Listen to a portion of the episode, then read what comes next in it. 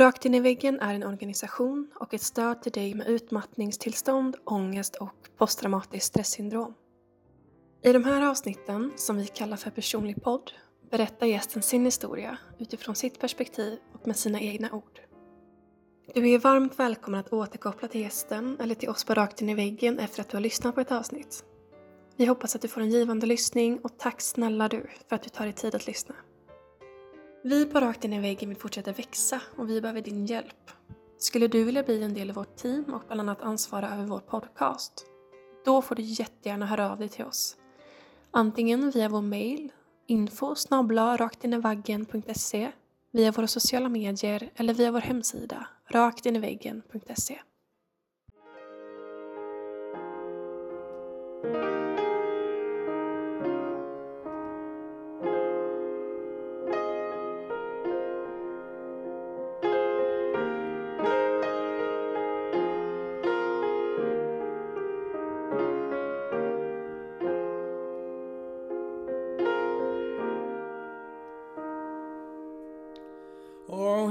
have been a searcher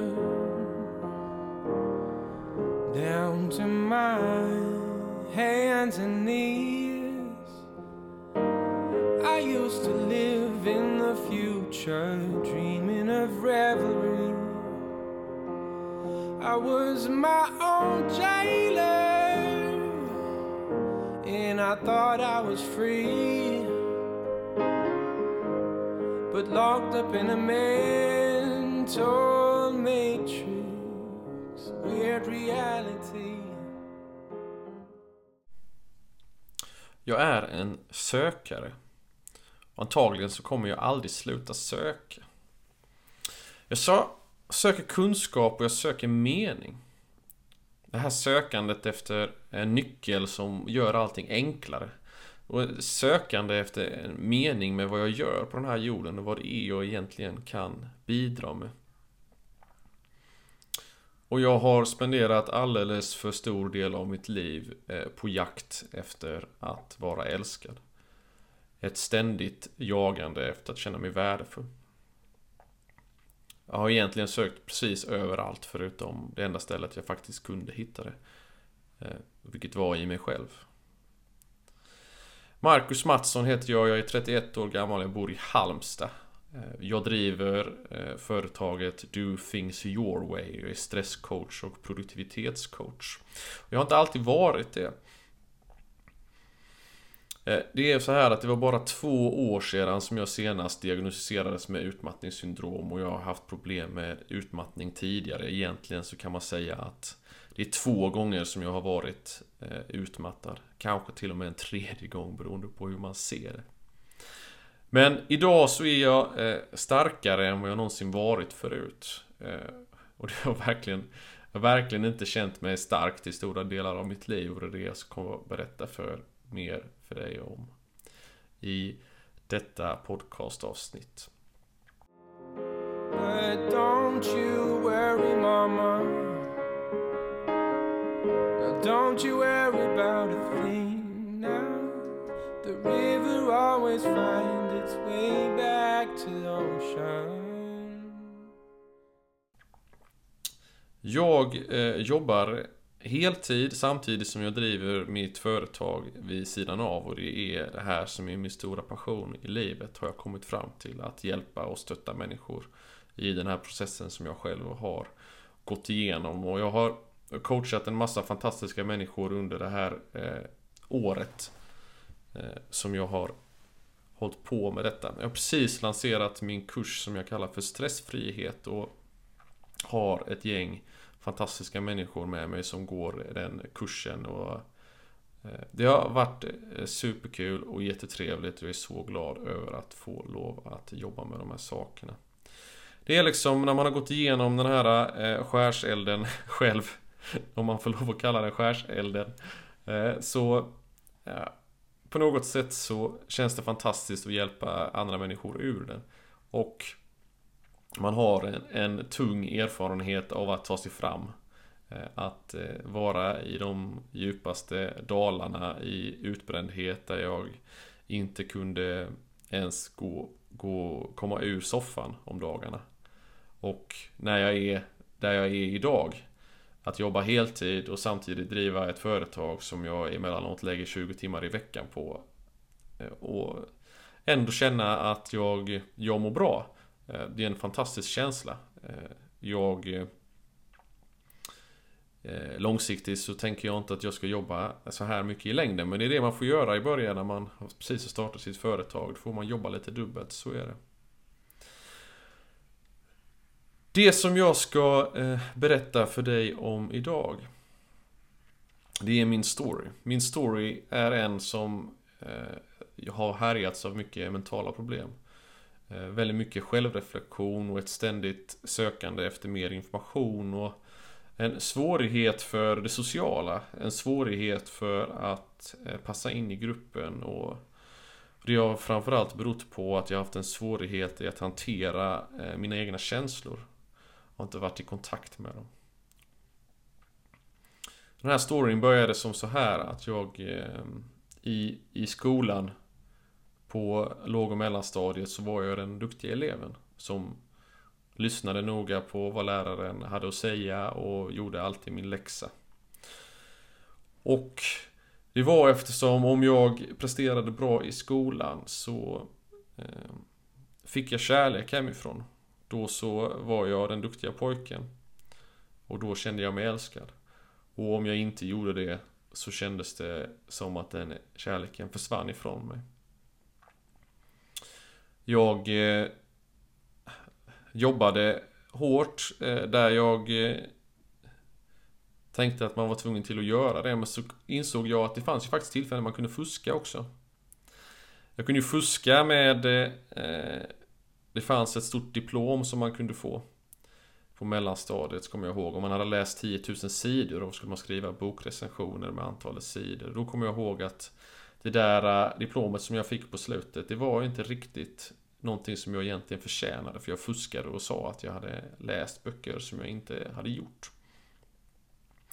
Och eh, egentligen då, just då så var jag lika glad för det. För det handlade inte om egentligen prestationen utan det handlade mer om resultatet. Det handlade inte om metoden, att jag hade kämpat på och varit duktig på det sättet. Det handlade bara om att jag hade slutresultatet i handen. För det var då som jag kände mig bra. Och det här var liksom själva startskottet till ett, eh, ett liv i det man kallar för prestationsbaserad självkänsla. Där ens självkänsla och ens värde hela tiden skattas ut efter vilka prestationer man har. Och eh, Det var svårt för mig i skolan med mina klasskamrater. Det var svårt för mig att passa in. För att jag hade svårt för att hantera mina egna känslor. Jag är ju högkänslig för er som vet vad det innebär. Men helt enkelt eh, känslig då och känslig än idag. Men just idag så har jag mycket bättre kontakt med mina känslor. Jag har mycket lättare för att hantera det. Men på den tiden så på något sätt så försökte jag stänga av mina känslor. Och, eller jag kunde inte hantera det överhuvudtaget. Där jag blev väldigt, väldigt arg eller, eller väldigt ledsen eller hur det var. Eh, så det var, det var svårt för mig med det sociala. Jag hade några nära vänner men, men eh, det, var, det var ganska svårt i skolan överlag. Jag hade väldigt eh, stort ego, fortsatte att vara duktig och fortsatte att få höga betyg i nästan alla i nästan alla ämnen, både på högstadiet och på gymnasiet. Eh, men min självkänsla eh, fortsatte att vara låg. Eh, när jag flyttade till Göteborg efter gymnasiet för att börja plugga så fick jag panikångest. Det var liksom nästan själva udden utav de sociala fobierna som jag hade. Jag var väldigt rädd för Eh, dels var det en dels klaustrofobisk känsla men sen så hade jag fått för mig att jag fick, när jag blev sådär stressad så fick jag ont i magen. Eh, och fick för mig att jag skulle spy bland folk och det var min absolut värsta rädsla. Eh, den här att jag skulle spy och alla skulle se mig och alla skulle känna usch vad äckligt. Ja. Och Någonstans här så började jag söka hjälp. Jag fick hjälp av terapeuter och jag fick eh, väldigt god hjälp och blev av med min panikångest ganska snabbt. Men, resten av mina problem var kvar. Eh, min låga självkänsla orsakade väldigt mycket eh, problem när jag sen började arbeta. Efter att jag hade pluggat. Jag pluggade till ehm, Jag har ju en examen i personalvetenskap. Jag har en examen i psykologi. När jag eh, väl började arbeta så, så började problemen hopa sig för mig. Jag kunde ha svårt för att sova för jag låg och tänkte på jobbet på nätterna. Jag kunde ha svårt för att... Eh, för den vardagliga stressen när... Eh, som, är, som, det, som är i de allra, allra flesta jobben idag.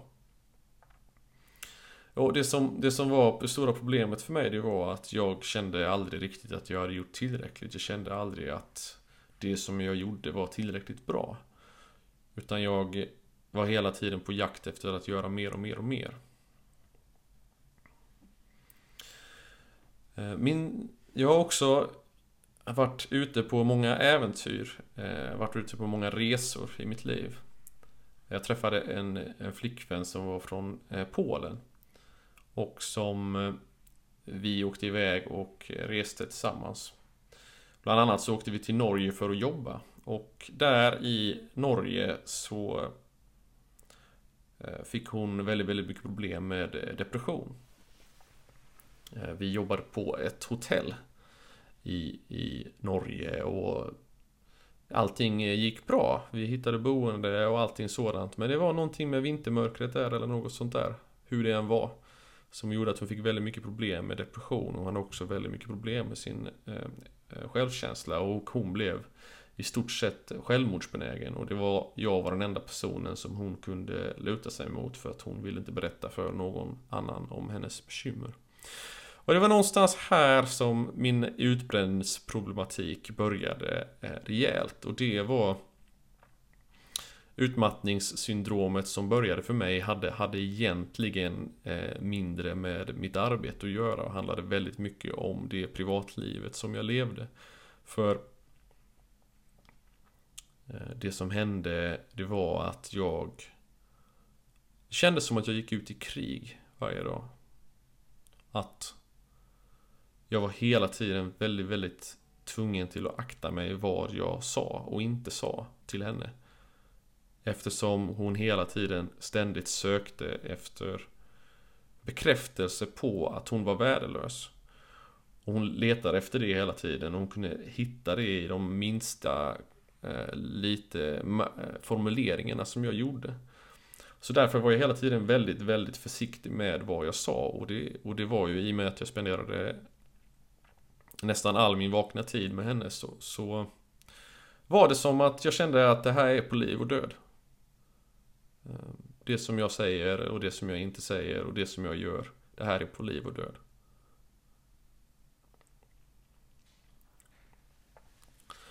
Vi, eh, I en kraftansträngning så tog jag hem oss eh, i, från Norge och vi bestämde oss för att flytta till, till Polen för att jag skulle få en bättre social situation för henne där och eh, hon skulle kunna få hjälp mer på hemmabasis och sådär.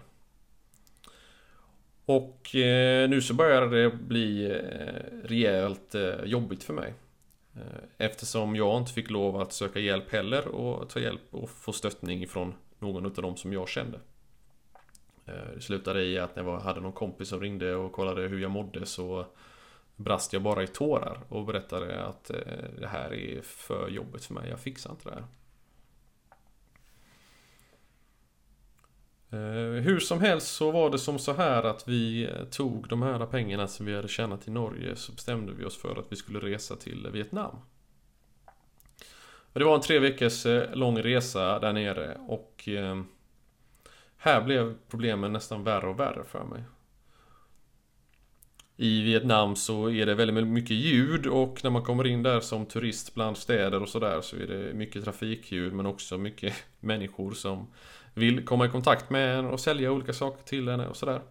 Och ja, det var många dagar där som jag hamnade i en process där jag inte kunde hantera all information som kom in längre. Utan det som jag gjorde det var att jag, jag sa ja till allting som min flickvän frågade mig. Och jag sa nej till allting och alla andra automatiskt. jag kunde inte längre processa vad det var de frågade mig om. Utan det var den här strategin att oftast så blir det rätt om jag säger nej till alla som kommer fråga mig om de ska eh, Vill du köpa den här? Vill du eh, göra det här? Eh, nej, nej, nej, sa jag till dem. Och sen så sa jag ja till allting som hon frågade mig. För det var oftast då det blev rätt.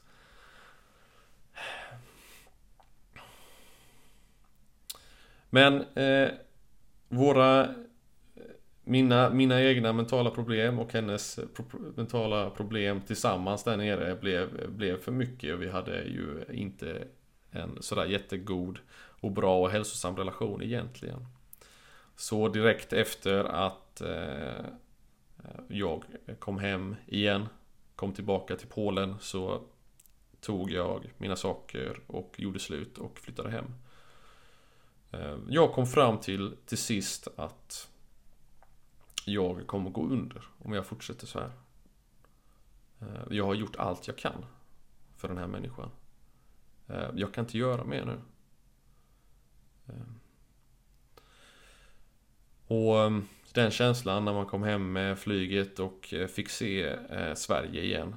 Ehm, jag kom, minns det så väl idag när jag satt i flyget och tittade ut och var på väg ner för att landa i Landvetter och eh, såg ner på alla sjöarna.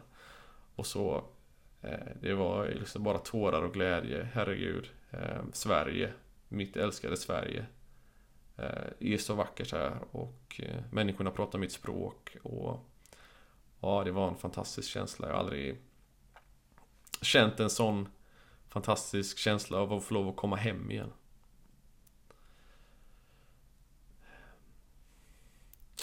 Och eh, egentligen så förstod inte jag att jag hade haft någon form av utmattning där. Eh, där och då. Eh, I den här relationen med henne. Eh, jag bestämde mig för att jag ville byta karriär. Jag beslutade att eh, jag skulle börja eh, programmera. Ehm, sökte mig in till en utbildning, började med det och eh, jag var väl runt eh, 26-27 eh, år gammal när jag började med det här och jag insåg att men nu så ligger jag lite efter. Nu när jag ska byta karriär. Alla andra som är i min ålder, de har ju redan kommit så här långt och börjat jobba några år och börjat tjäna pengar och nu har jag lite bråttom här. Hade jag en känsla utav. Så jag jobbade väldigt, väldigt hårt med mina studier. Och jag tränade mycket tung eh, styrketräning.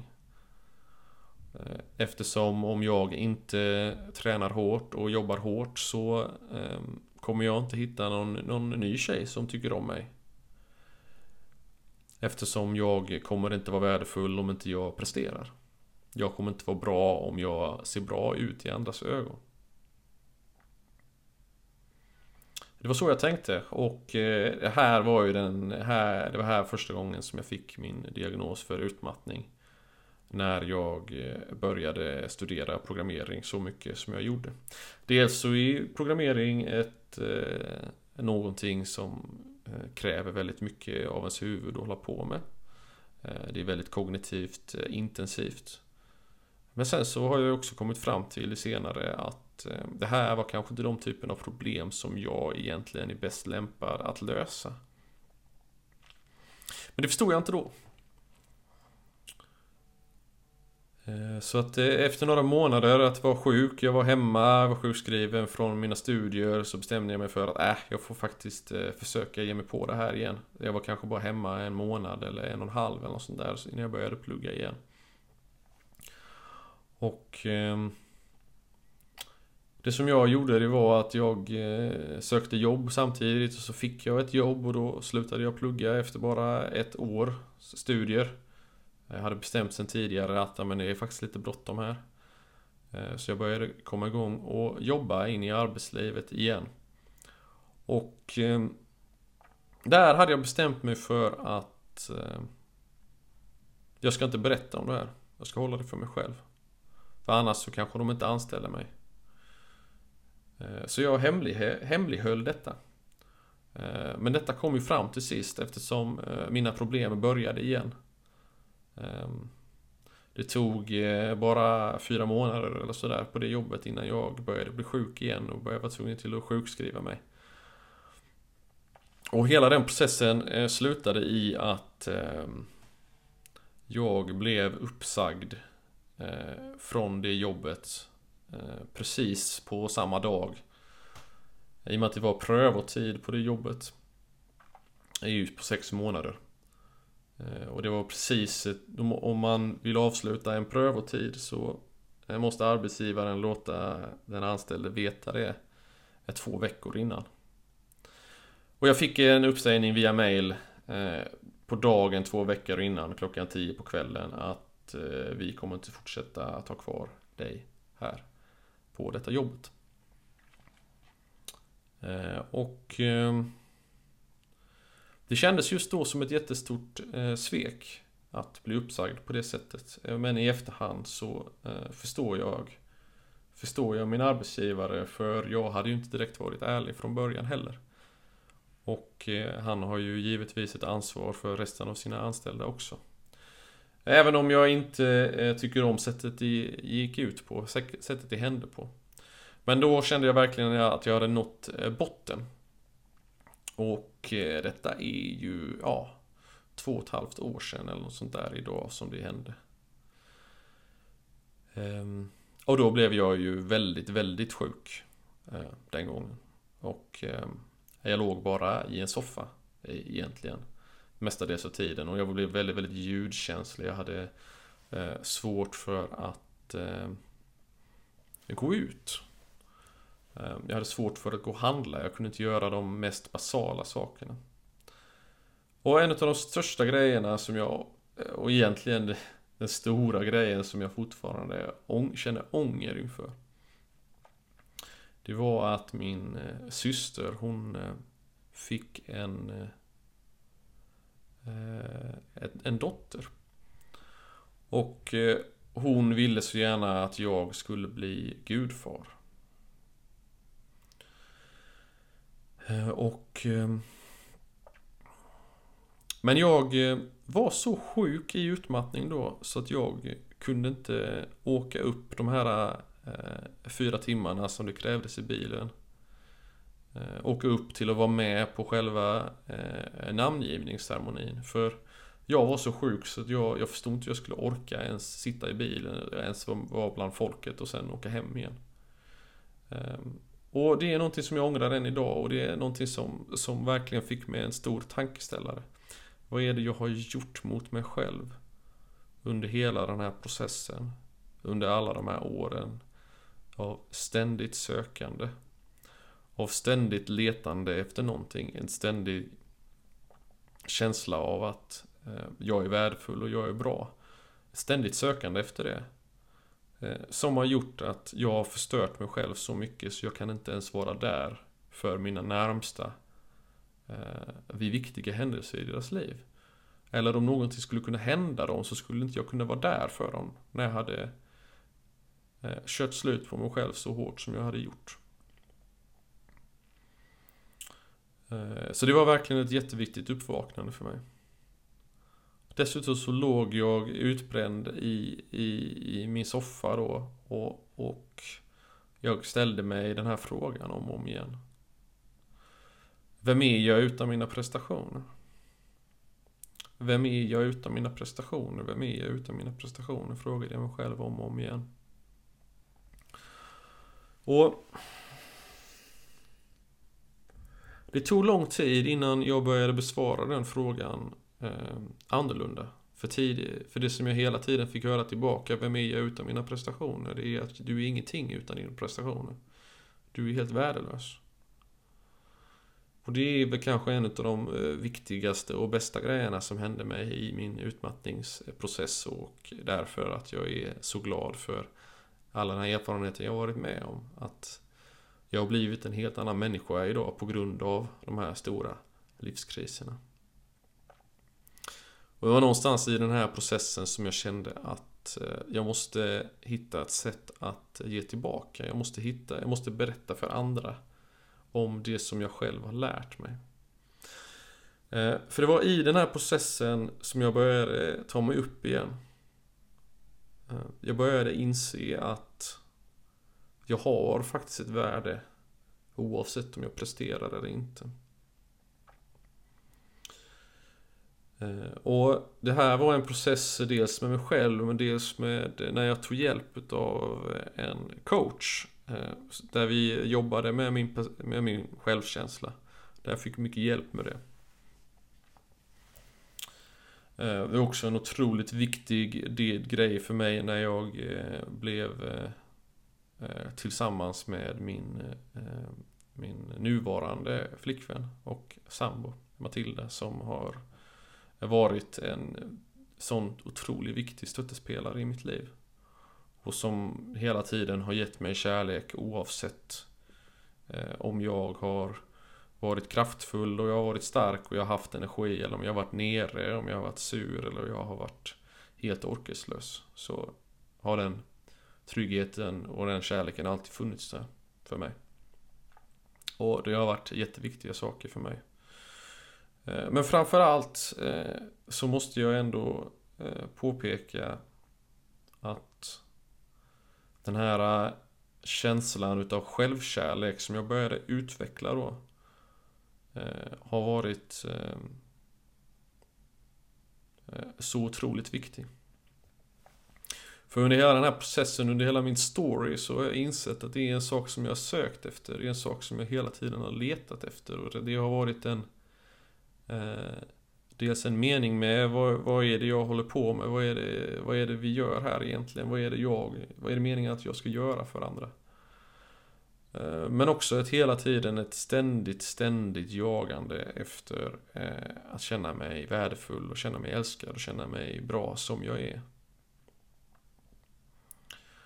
Och det här kom också fram eh, för några år sedan i terapi när jag när han, eh, min terapeut, gjorde en väldigt klassisk övning.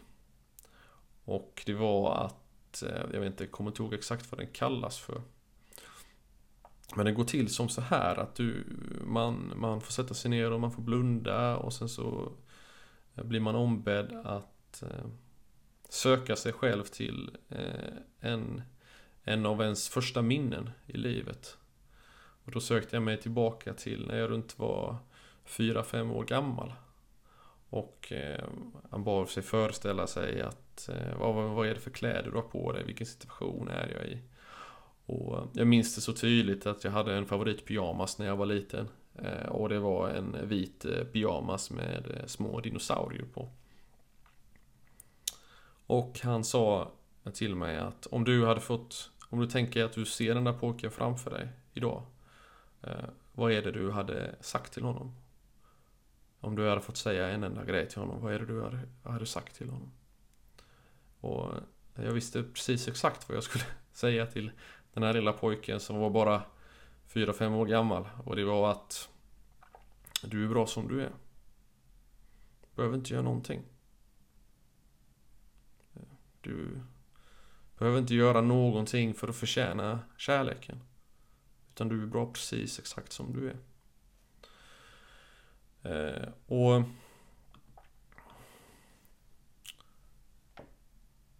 Det var otroligt viktigt för mig. Och det är fortfarande otroligt viktigt för mig idag. Eh, att min självkänsla inte längre är uppbyggd utav mina prestationer. Och det är det som varit så himla lustigt nu när jag har i den här processen kommit fram till det här och nu under det senaste året när jag har börjat coacha eh, mina kunder. Ehm, som har eller har haft mycket problem med stress och själva varit utmattade. Och det är att jag har inte träffat en enda person som inte har problem med sin självkänsla. Inte en enda person av alla 50-tals, och 100-tals människor som jag har träffat Eh, har haft problem med liksom har, har inte haft problem med sin självkänsla. Eh, så att det här med att ha problem med stress och utmattning och, och allting, det... Självkänslan är jätteviktig. Det är någonting som jag har kommit fram till och det är därför jag alltid tar upp det och pratar om det med mina kunder. Um, Eh, Eh, och det är det som är så fantastiskt nu när jag satt ihop den här kursen. Eh, för att på något sätt så när jag har börjat coacha med mina, mina kunder och satt ihop den här kursen nu som jag kallar för stressfrihet. Så jag har hittat några gemensamma nämnare som har varit viktiga. Eh, som har varit otroligt viktiga för mig i mitt liv. Och som jag vet att jag kan lära ut och jobba med. Och som jag också har sett faktiskt har gjort skillnad för de kunderna som jag har träffat sedan tidigare. Och jag tänkte att jag skulle dela med mig utav mina absolut viktigaste tips till dig. Eh, om du själv är utbränd, om du själv har haft problem med utmattning och ehm, du, du kämpar med att få till en hållbarhet i ditt liv. Du kämpar med att eh, få till, eh, skapa en situation där du har en jämn energi varje dag där du känner att du kan lita på att du kommer ha energi om en vecka, om två veckor eller om två månader. Där du inte drar dig för att boka in saker eftersom du inte vet ifall du kommer orka då. Eh, så det här är mina tre bästa tips till dig. Eh, mitt första tips det är att sluta undvika stress. Och det här kan låta paradoxalt. Men du får... Eh, jag tror du kommer förstå när jag berättar mer. Så... I den här processen när jag blev utbränd så började jag söka upp information. Jag letade överallt. Eh, eftersom jag hade eh, examen som tidigare i psykologi och personalvetenskap så var jag verkligen lämpad för att leta upp de här sakerna och, och använda den kunskapen som jag hade sedan tidigare. Så när jag försökte söka upp eh, mina problem, problem med stress och, och, vad man ska göra när man har problem med stress så kom jag fram, så hittade jag en forskare som heter Kelly McGonigal. Och hon har skrivit en bok som heter The Upside of Stress.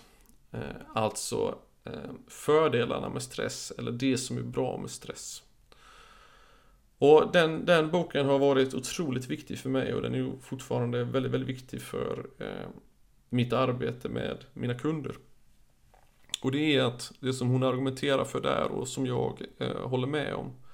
Det är att hon i hennes profession som, som hälsocoach har gått ut och sagt att stress är den absolut största fienden till vår hälsa och att vi ska absolut göra allt vad vi kan, kan för att undvika den. Men det som hon kommit fram till är att det som hon själv har gått ut och sagt till andra, att hon ska försöka undvika stress, faktiskt egentligen bara har gjort saker och ting värre. Rådet som du får höra ifrån eh, tidningar, ifrån läkare, ifrån olika medier, ifrån vänner, det är att Eh, stressen är jättefarlig. Du måste undvika den. Du måste göra allt vad du kan för att bli av med den. Det här är det absolut sämsta rådet som, som någon kan ge dig egentligen. För att för det första så du kan inte leva ett liv utan stress. I det här samhället som vi har idag så eh, kommer du inte komma ifrån det.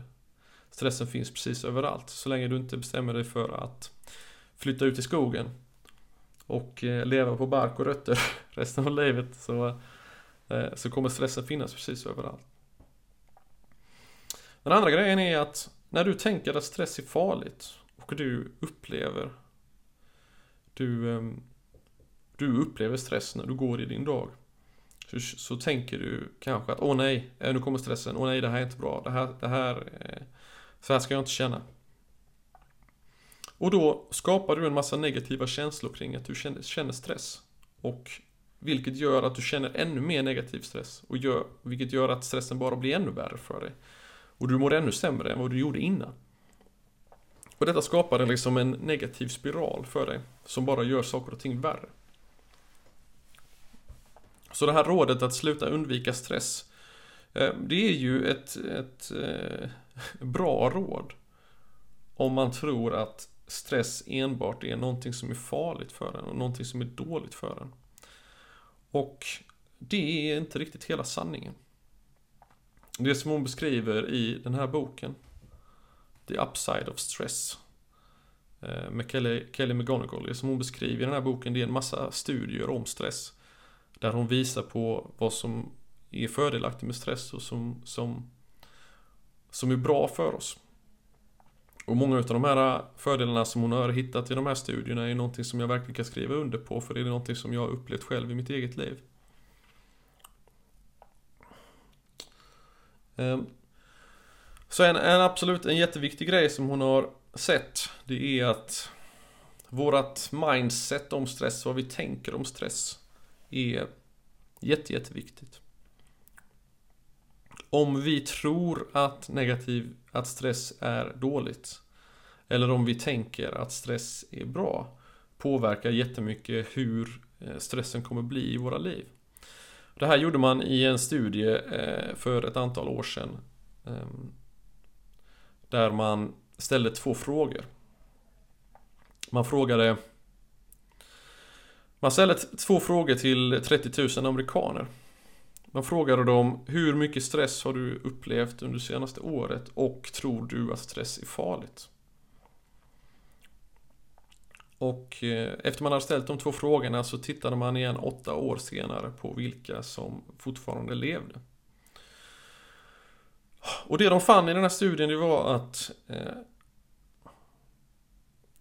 om man hade höga om man hade sagt att man hade upplevt höga nivåer av stress under det senaste året så, så ökade det risken att dö med 43% efter den här åttaårsperioden. Men endast om man också trodde att stress var farligt för en. Om man däremot sa att nej, stress är inte farligt.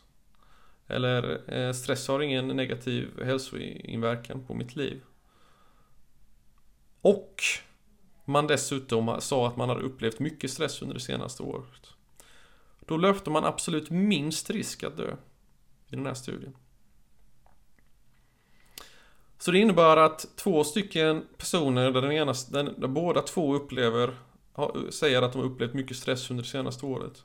Den ena personen säger att stress är farligt och den andra personen säger att eh, stress är inte farligt. Eh, detta, detta var en totalt avgörande skillnad i hur, risk, hur stor risk de löpte att dö under den här åttaårsperioden. Och det här är otroligt fascinerande och den här studien säger kanske inte så mycket i sig självt. Men sammantaget med alla andra studier som hon berättar om i den här boken så, så är Eh, så är detta en väldigt, väldigt viktig del utav det som jag lär ut och varför jag tycker att du ska sluta undvika stress. Och att det här med mindset påverkar vår livslängd, det, det har vi sett i andra, andra studier.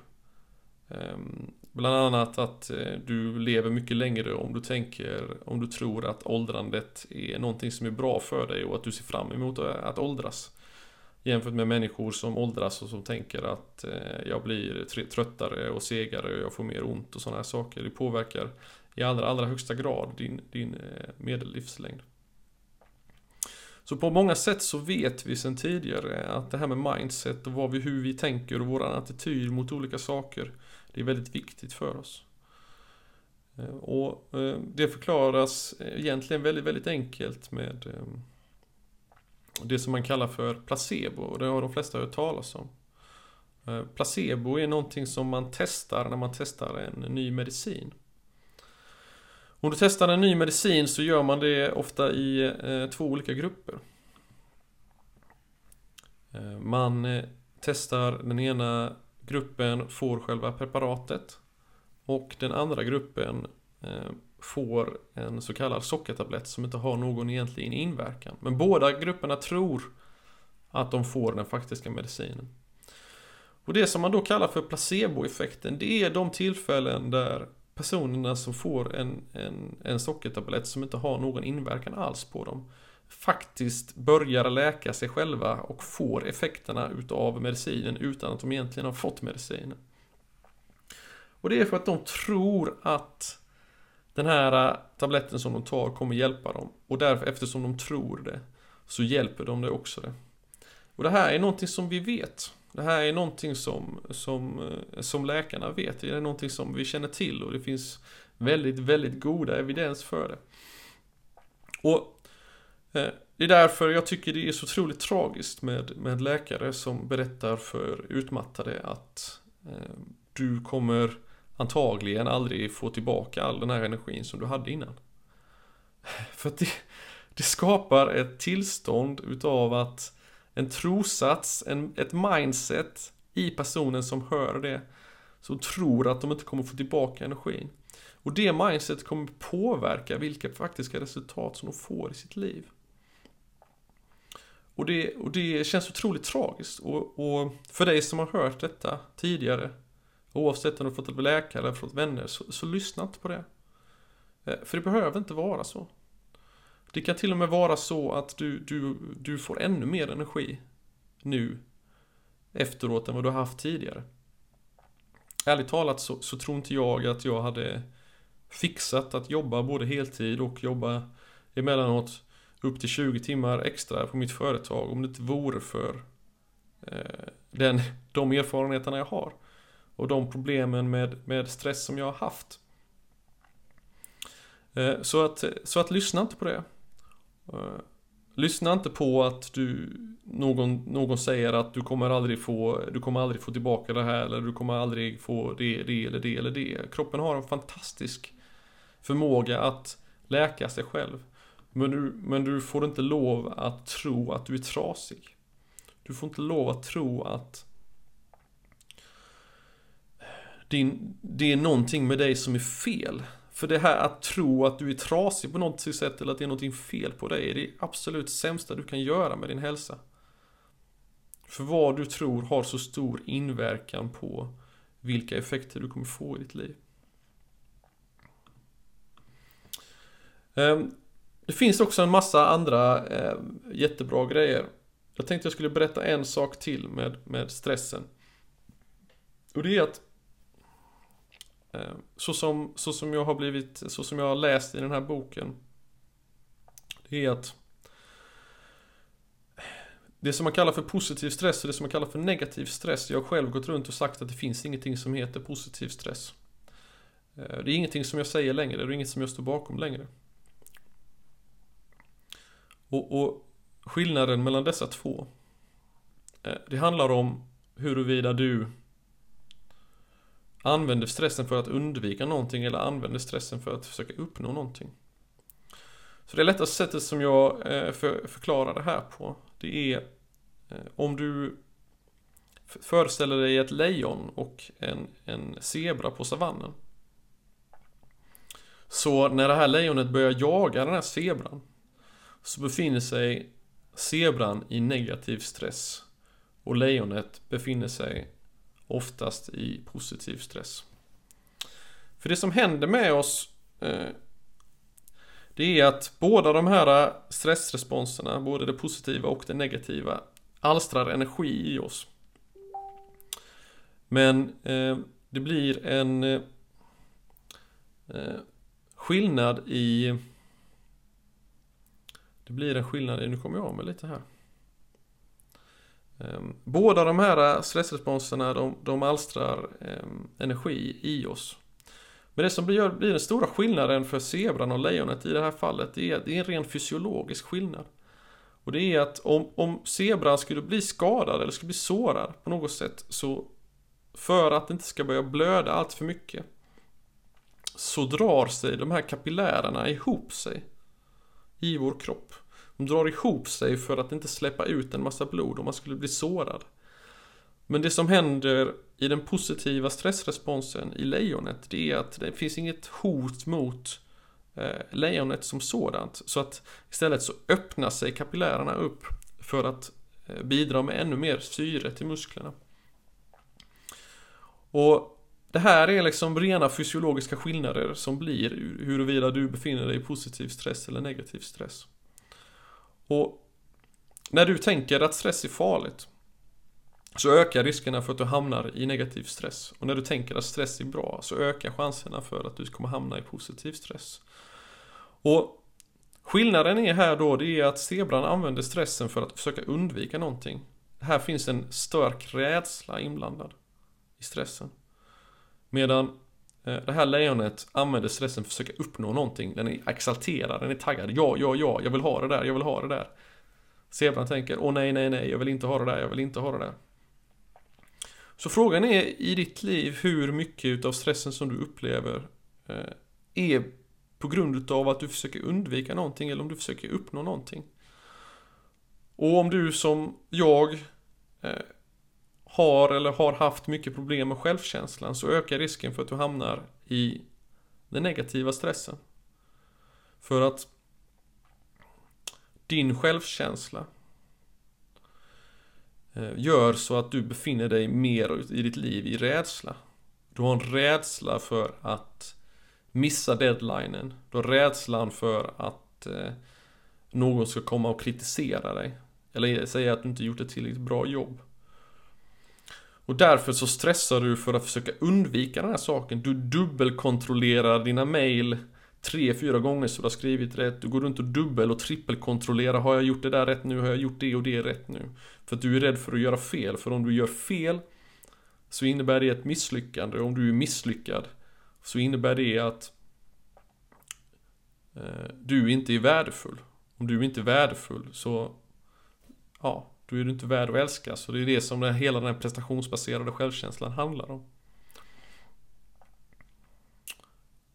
Så jag rekommenderar dig att, eh, att eh, söka mer på det här med stressen och titta på eh, och sluta undvika stressen. Och sluta gå på olika mindset som egentligen är negativa för dig. Ehm, som, som personer som inte förstår hur otroligt viktig de, de mentala bitarna är. Hur otroligt viktigt det är att träna eh, positivt tänkande och att träna in och bygga upp mindset som är bra för oss i längden. Eh, så det är mitt första tips, det är att sluta undvika stress. Mitt, mitt andra tips, det är att sluta göra motstånd. Eh, och att sluta göra motstånd Eh, Eh, det innebär att ehm, att börja acceptera mycket mera det, det som du är. Vem du än är, vad det än är. Jag har eh, bland annat eh, när jag jobbade med en av mina kunder så, så jobbade vi med en sak som var att hon var så otroligt trött på att vara trött. Otroligt trött på att eh, aldrig ha energi, att aldrig eh, att inte kunna göra alla de sakerna som hon ville göra. Och då jobbade vi med att Problemet här är framförallt inte att du inte orkar. Problemet är att du gör motstånd mot, mot att du inte orkar. För när du gör motstånd mot saker och ting eh, så, så, försöker du avvärja någonting negativt som finns i ditt liv. Och, och det här skapar bara mer spänningar. Och det här relaterar också lite tillbaka till, till stressen. Att eh, du inte ska försöka göra motstånd mot det tillstånd som finns i dig just nu oavsett vilken känsla eller upplevelse det är. Och istället gå över i acceptansen, att acceptera saker och ting som de är. För, för det största problemet ligger inte i själva problemet som du ser framför dig. Det största problemet ligger i den, din relation till problemet. Det är inte ett problem att det regnar ute. Det är ett problem att du tycker illa om att det regnar ute. Det är inte ett problem att eh, det är mycket att göra. Det är ett problem att du tycker att det är jobbigt att det är mycket att göra. Och det här med att sluta göra motstånd, det lär du dig absolut bäst på när du börjar meditera. Eh, meditationen eh, är en väldigt bra Eh, grej bara kortsiktigt just nu för att eh, och långsiktigt för att förbättra din hälsa på många olika sätt. Men framförallt så är det en, en viktig förmåga. Tycker jag då. Det är en viktig förmåga som du lär dig där. Och det är att sluta göra motstånd mot de tankarna som finns i ditt huvud. Och börja acceptera dem och titta på dem som de är och inte undvika dem. Utan låta dem få existera. Det är också det är en viktig sak eh, som jag jobbar med om man har problem med panikångest. Eh, panikångest är det ultimata sättet att göra motstånd mot sina egna, sin egen eh, sin egen stress och sin egen ångest i sin kropp. Och detta skapar en form av negativ feedback loop som bara gör stressen och ångesten mycket värre för man försöker göra mer motstånd och då skapas ännu mer spänningar. Eh,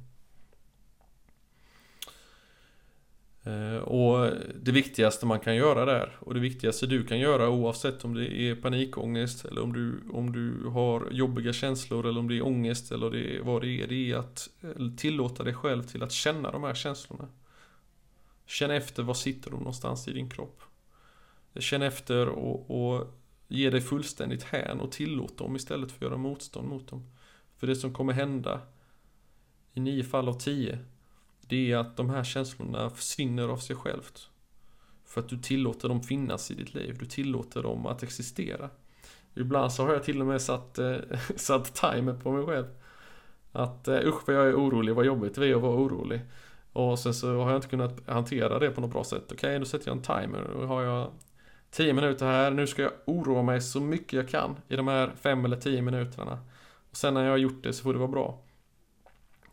Och då ger jag mig hän känslan och låter den verkligen vara aktuell i mig. Eh, och eh, då så efter de här 10 minuterna så, så, om den inte har försvunnit så är den, dess, är den mycket eh, lindrigare. Känns bättre för att jag har faktiskt lyssnat på det som min kropp försöker berätta för mig. Eh, motståndet innebär, handlar också om eh, negativiteten. Vi fastnar in i väldigt negativa spiraler som utmattare. Och det handlar om att det är inte eh, mycket, en stor arbetsbörda som automatiskt gör en utmattad. Utan det är en stor arbetsbörda i kombination med negativa tankar och känslor. Som gör att du blir utmattad. Om du istället har en stor arbetsbörda och, och mycket positiva tankar och känslor Eh, så uppstår det som många kallar för eh, framgång. Att du presterar under press och du eh, känner, du känner en massa positiva tankar och känslor och du kommer därmed också befinna dig mycket mer i positiv stress. Och du kommer främjas och må bättre i det här tillståndet. Så mitt andra tips till dig är att sluta göra motstånd. Be so sure about that. Now you called me a player. I guess there was some kind of truth to your word. I had a wall built around me cause somewhere deep down I was hurt. But I'm gonna let see me just plain. You can take it or leave it. Ain't that the only way? Och mitt tredje och sista tips är det som jag har pratat med under eh, hela den här podden. Det är att börja älska dig själv. Ibland kallar man det för självkänsla och jag, jag gillar ett ord som heter självkärlek. Och det är att när du börjar göra saker och ting, du börjar bete dig och du börjar tänka saker och ting som är baserade i en självkärlek. Eh, så blir saker och ting väldigt annorlunda. För du kan skapa de bästa rutinerna. Eh, som i att eh, gå och träna och, och meditera och gå och lägga dig i tid och sova och alla de här bitarna. Men om du gör alla de här sakerna på grund utav ett självhat. Alltså om du går runt, runt och tränar för att, ja men du förtjänar inte att ha det bra. Utan du förtjänar faktiskt att pinas lite här under gymmet. Eller du förtjänar att inte eh, sitta och göra något kul utan du ska sitta här och meditera en halvtimme istället och ha tråkigt. Om du gör de här sakerna med ett självhat eh, så kommer det eh, direkt eh, ha, göra en väldigt stor skillnad för dig. Eh, för att varför du gör en sak är precis lika viktigt som vad du gör. I många, i många fall, eh, ibland till och med viktigare. Om du börjar bete dig och handla på ett sätt som är självkärlek i ditt liv, då kommer du inse att du förtjänar att må bra. Du förtjänar att ha det bra. Du kommer ta hand om dig själv. För du inser att du förtjänar att bli omhändertagen. Och lättaste sättet för att komma in i den här känslan och förstå den här känslan det är eh, som förälder så är det, om du är förälder så är det väldigt enkelt att, att eh, med exemplet om den kärleken som du känner för dina barn. Vad skulle hända, du vet, om ditt barn oavsett ålder gör någonting eh, tar alla dina pengar, flyttar utomlands, sätter eld på huset. Så kommer du fortfarande älska, älska, älska honom eller henne. Oavsett vad du gör. Och, och vad skulle hända i ditt liv om du riktade, om du hade precis den kärleken som du kände mot dina barn? Om du istället riktade den mot dig själv? Den fullständigt villkorslösa och gränslösa kärleken. Om du kände den mot dig själv, vad skulle hända i ditt liv då? Hur skulle saker och ting bli annorlunda? Och framförallt, hur skulle det kännas? Vi spenderar alldeles för mycket tid i västvärlden på att fundera på vad ska jag tänka, hur ska jag tänka för att det här ska bli rätt och alldeles för lite tid på hur ska jag känna? Vad är det jag vill känna egentligen? Det är också för att relatera till eh, det här som jag sa tidigare, det andra tipset att sluta göra motstånd. Om du gör motstånd mot någonting då försöker du undvika en situation. Men om du istället gör det tvärtom och istället försöker söka upp ett tillstånd som du vill ha. Det här är helt andra tankar, det kanske låter som likadant men det här är en helt annan Det är en skapande kraft som du har med dig här när du försöker söka upp vad det är du vill ha. Så när du funderar på det då vad ska jag göra för att älska mig själv? Då är en väldigt, väldigt bra fråga Hur är det som jag vill känna? Vad är det för någonting som jag vill söka till här? söka upp vad är, det, vad är det för någonting som jag vill känna för någonting. Och om du inte har eh, barn så kan du inte kanske relatera till just den, det exempel som jag tog upp tidigare. Men du kanske kan tänka på en partner, den villkorslösa kärleken du kan känna för en partner eller ett husdjur eller mot, mot dina föräldrar. Att oavsett vad du gör så kommer du ändå älska dem. Och när du börjar tänka så och känna så. Att oavsett vad det är jag gör, oavsett om jag gör misstag på jobbet idag, oavsett om det blir fel på olika sätt, oavsett om jag ligger i min soffa och inte gör någonting på hela dagen, så är jag fortfarande värd att älskas. Och det är liksom inte värd att älskas utav någon annan, utan jag är faktiskt fortfarande värd att älskas av mig själv. Och du kan gå runt hela ditt liv och göra som jag har gjort i stora delar av mitt eget liv och leta efter den här självkärleken och leta efter att känna sig värdefull och leta efter den här respekten och leta efter den överallt i alla andra ställen förutom i dig själv. Du kommer aldrig fullt hitta den. Den kommer alltid vara precis utanför eh, eh, vad du kan nå med dina händer, det kommer hela tiden rinna igenom dina fingrar som sand. Eh, när det faktiskt är så att eh, den yttre bekräftelsen kommer alltid eh, vara ont om du kommer aldrig veta när du får den. Medan den inre bekräftelsen är fullständigt gränslös. Du kan bara precis plocka fram den och, och, känna den här kärleken mot dig själv och du kan, du får lov, du kan göra det hur mycket som helst varje dag. Det finns inga gränser för hur mycket du kan göra detta.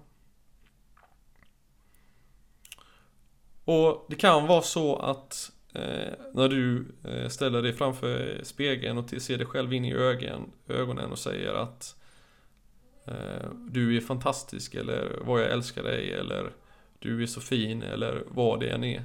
Så kommer du inte känna det. Du kommer titta på dig själv och känna och inte känna alla de där sakerna. Eh, och det här krävs övning och det kan finnas saker och ting som du, som du har inom dig som du behöver eh, bearbeta eller ta bort den här blockeringen från dig. Eh, om det är så att du skulle vilja komma i kontakt med mig. Om du skulle, om det finns någonting som du tänker att jag skulle kunna hjälpa dig med så, så kan du skriva ett mail till mig. Det är på marcus dothingsyourway.com. Du kan också gå, hem, gå in på min hemsida och eh, läsa mer om mig där Det är på dothingsyourway.com och jag finns också på Instagram och Facebook at dothingsyourway. Eh, jag hoppas verkligen att du har eh, tyckt om att lyssna på det här som jag har pratat om idag. Jag hoppas att du har tyckt om att lyssna på min historia. Jag hoppas att du har tagit lärdom av de här tre tipsen som jag har gett dig.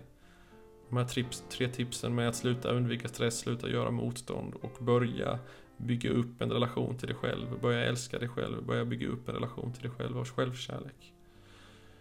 Um, Du är varmt välkommen att höra av dig till mig om du har frågor. Eller om det är på något sätt som jag kan hjälpa dig att eh, komma fram till de här sakerna eller komma fram i livet dit du vill. Eh, stort tack för att du lyssnar så hoppas jag att vi hörs. Ha det bra. Hej. But don't you worry, mama. Now don't you worry about a thing river always find its way back to the ocean. Be so sure about that.